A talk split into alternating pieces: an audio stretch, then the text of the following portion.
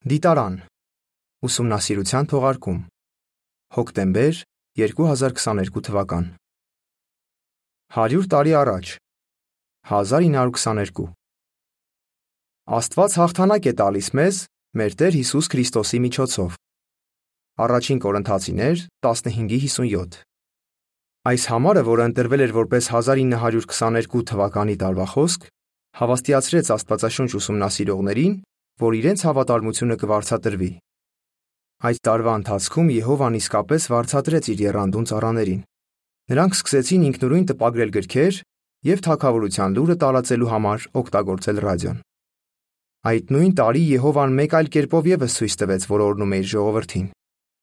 Աստվածաշունչ ուսումնասիրողները Սիդար Փոինթում, Օհայո, ԱՄՆ,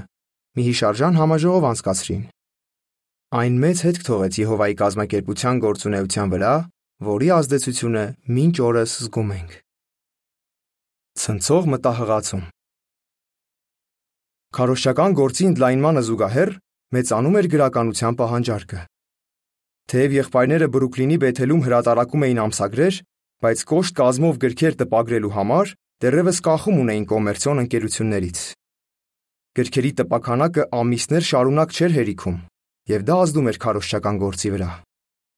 Ոստի եղբայր Ռադերֆորդը մեր տպարանի վերակացուին, եղբայր Ռոբերտ Մարտինին հարցրեց, թե արդյոք կարող ենք սկսել գրքեր տպագրել։ Եղբայր Մարտինը պատմում է. Դա ցնցող մտահղացում էր, քանի որ նշանակում էր, որ պետք է ունենայինք տպարան, որտեղ կատարվելու էին բոլոր գործողությունները՝ շարվածքը, գալվանապատումը, տպագրությունը եւ կազմարարական աշխատանքները։ Ոստի եղբայրները վարձակալեցին մի տարածք, որը գտնվում էր Կոնկորդ Սթրիթ 18 հասցեում, եւ ձեռք բերեցին անհրաժեշտ սարքավորումները։ Ոչ բոլորն էին ուրախ այս նախաձեռնության համար։ Մի օր մեզ համար գրքեր տպագրող կոմերցիոն ընկերություններից մեկի տնօրենը եկավ մեր նոր տպարան եւ հետեւյալն ասաց. Դուք տեղադրել եք բարձրակարգ տպագրական սարքավորումներ, բայց ձեր մեջ չկա որևէ մեկը, որ իմանա թե ինչպես պետք է աշխատեցնել դրանք։ 6 ամսից այս բոլոր սարքավորումները շարքից դուրս կգան։ Եղբայր Մարտինն ասում է. Նրա խոսքերը միանգամայն տրամաբանական էին թվում, բայց նա հաշվի չէր առել, որ Տերը մեզ հետ է եւ միշտ է մեզ հետ եղել։ Եղբայրը ճիշտ էր։ Շատ չանցած մենք սկսեցինք օրական 2000 գիրք տպագրել։ Ռադիոյի շնորհիվ լուրը հասնում է հազարավորների։ Գրքեր տպագրելուց բացի Եհովայի ժողովուրդը սկսեց բարի լուրը տարածել մի նոր մեթոդով՝ ռադիո հեռարձակմամբ։ 1922 թվականի փետրվարի 26-ին, Կիրակի օրը, եղբայր Ռադերֆորդը առաջին անգամ ռադիոյով ելույթ ունեցավ, որի վերնագիրն էր. Այժմ ապրող միլիոնավորներ երբեք չեն մահանալու։ Այն հեռարձակվեց ԱՄՆ Կալիֆոռնիա նահանգի ռադիոկայաններից մեկով։ Մոտ 25000 մարդ լսեց ծրագիրը, Ոմանք շնորհակալական նամակներ ուղարկեցին։ Օրինակ, Սանտա Անայում ապրող Ուիլարդ Աշֆորդը նամակով շնորհակալություն հայտնեց եղբայր Ռադերֆորդին հետաքրքիր եւ բովանդակալից ելույթի համար։ Նա նաեւ գրեց. Մեր ընտանիքում 3 հիվանդ կա, ուստի մենք չէինք կարողանա այլ կերպ լսել ձեր ելույթը, նույնիսկ եթե այն ներկայացվեր մեր կողքի շենքում։ Հաջորդ շաբաթների ընթացքում ավելի շատ հերարցակումներ եղան։ 1922 թվականի վերջում դիտարան ամսագրում ասվում էր, որ առնվազն 300.000 մարդ ռադիոյով լսել է բարի լուրը։ Մարդկանց արձագանքից ողջևորված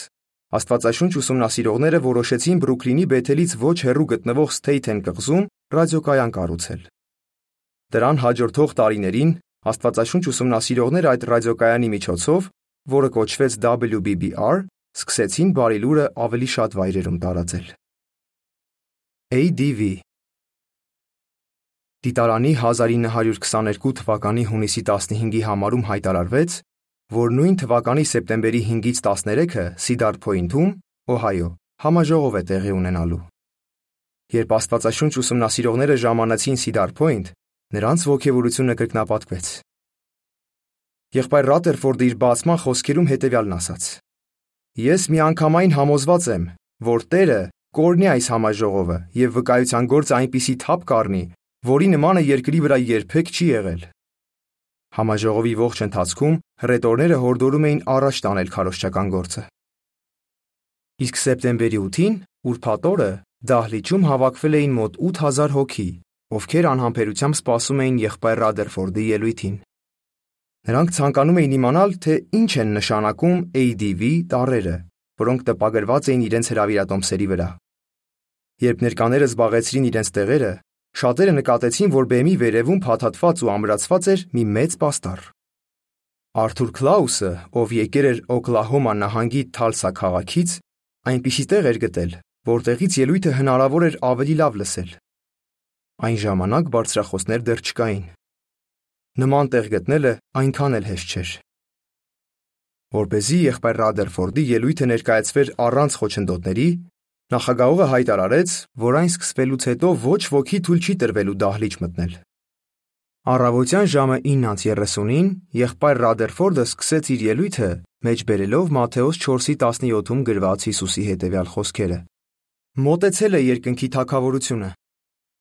Այնուհետև բացատրելով, թե մարդիկ ինչպես պետք է լսեին այդ թակավորության մասին, նա ասաց. Հիսուսն ինքը հայտարարեց, որ իր ներկայության ժամանակ առաջնորդելու է հնձի գործը, որի ընթացքում հավաքելու է իր ճշմարիտ եւ հավատարիմ հետևորդներին։ Եղբայր Կլաուսը, ով նստած էր գլխավոր դահլիճում, ասում է. Մենք կլանված լսում էինք ամեն մի բառը։ Բայց հանկարծ եղբայրը իրեն վատ է զգում եւ դուրս է գալիս դահլիճից, թեև դժկամորեն, քանի որ գիտեր, որ այլևս չի կարողանալու ներս մտնել։ Արթուրը պատմում է, որ մի քանի րոպեից նրա ինքնազգացողությունը լավացավ եւ դահլիճին մոտենալիս նա ծափահարությունների թնդյուն լսեց։ Դա շարժեց նրա հետարքրությունը, եւ նա վճռեց, որ պետք է լսի այդ հրաշալի ելույթը, նույնիսկ եթե ստիպված լինի բարձրանալ տանիքի վրա։ Արթուրը, ով այդ ժամանակ 23 տարեկան էր, տանիք մագլցելու հնար գտավ։ Ապակեպատ երթիկի լուսամուտները բաց էին։ Դրանց մոտենալով նա նկատեց, որ այդտեղ ձայնի հնչեղությունը հրաշալի է։ Բայց Արթուրը մենակ չէր այնտեղ։ Նրա ընկերներից ոմանք նույնպես տանիքի վրա էին։ Նրանցից մեկը, Ֆրենկ Ջոնսոնը, վազելով մոտեցավ նրան եւ հարցրեց. «Գրպանի սուրդանակ ունես»։ «Այո, ունեմ», պատասխանեց Արթուրը։ Ֆրենկն ասաց. «Դու մեր աղոթքի պատասխանն ես։ Տեսնում ես այս մեծ պաստառը, որ պարաններով կախված է մեխերից։ Ուշադիր հետևիր դատավորի խոսքերին, ու երբ նա ասի. «Հրճակեք, հրճակեք», կտրիր այս 4 պարանները»։ Ծանոթագրություն Եղբայր Ռադերֆորդին երբեմն կոչում էին դատավոր, քանի որ նա ժամանակ առ ժամանակ ԱՄՆ Միսուրի նահանգում աշխատում էր որպես փոխարինող դատավոր։ Ծանոթագրության ավարտ։ Այսպիսով Արթուրը դանակը ձեռքին մյուսների հետ սպասում էր ազդանշանին։ Քիչ հետո եղբայր Ռադերֆորդը հասավ իր ելույթի կուլմինացիային։ Նա մեծ խանդավառությամբ, բարձր ու ազդեցիկ ձայնով ասաց. Եղեք Տիրոջ հավատարիմ ու ճշմարիտ վկաները։ Շարունակեք կռվել, միջև որ Բաբելոնն ամբողջովին ամայանա։ Լուրը հրճակեք ամենուր։ Աշխարը պիտի իմանա, որ Եհովան է Աստված, եւ որ Հիսուս Քրիստոսը թագավորների թագավորն է ու տերերի Տերը։ Այսօր ամենակարևոր օրն է։ Տեսեք, թագավորը իշխում է։ Դուք նրա մունետիկներն եք։ Դե ուրեմն, հրճակեք, հրճակեք, հրճակեք թագավորին ու նրա թագավորությունը։ Արթուրը պատմում է, որ երբ ինքն ու մյուս եղբայրները կտրեցին պարանները, պաստառը սահուն բացվեց։ ADV տառերին համապատասխան դրա վրա գրված էր. Հրճակեք թագավորին ու նրա թագավորությունը։ ADV տառերը ներկայացնում են անգլերեն advertise բառը, որը նշանակում է հրճակել։ Կարևոր գործ Սիդար Փոյնթում տեղի ունեցած համաժողովը օգնեց եղբայրներին ու քույրերին կենտրոնանալ քարոշչական գործի վրա։ Եվ բոլոր նրանք, ովքեր պատրաստական ոգի ունեին, ուրախությամբ սկսեցին մասնակցել ծառայությանը։ ԱՄՆ Օկլահոմա նահանգում ապրող գրքեր տարածողներից մեկը նախկինում այդպես էին կոչվում ռահվիրաները գրել է. Այն շրջանում, որտեղ մենք ծառայում ենք, բազմաթիվ ածխահանքեր կան եւ մարդիկ շատ աղքատ են։ Նա պատմում էր, որ երբ մարդիկ ոսկեդար ամսագրի միջոցով իմանում էին բարի լուրը, հաճախ նրանց աչքերին արցունքներ էին հայտնվում։ Նա իր խոսքերը հետևյալ կերպ է ավարտել. Մեզ համար մեծ օրնություն է մխիթարել եւ հույս տալ այդ մարդկանց։ Աստվածաշունչ ուսումնասիրողները գիտակցում էին, թե որքան կարևոր են Ղուկաս 10:2-ում գրված Հիսուսի հետևյալ խոսքերը. Բերքը ինչ խոսք շատ է, բայց աշխատողները քիչ։ Տարվա վերջում նրանք առավել քան երբևէ վճռական էին ամենուրեք մեծ երանդով հրճակելու թակավորության մասին բարի լուրը։ Լրացուցիչ տեղեկություն։ Համաշխարային վկայություն 1922 թվականի փետրվարի 26-ին Աստվածաշունչ ուսումնասիրողները մասնակցեցին համաշխարային վկայության։ Ողջ աշխարհում Աստվածաշունչ ուսումնասիրողները կազմակերպում էին հատուկ հանդիպումներ, որոնց ժամանակ հետաքրքրվողները կարող էին լսել այժմ ապրող միլիոնավորներ երբեք չեն մահանալու վերնագրով ելույթը։ Այն թարգմանված էր առնվազն 33 լեզուներով, եւ դիտարանում նշվում էր, որ գրեթե բոլոր եղբայրները, ովքեր հանրային ելույթ ներկայացնող հռետորներ էին, նշանակվեցին անելու այդ ելույթը։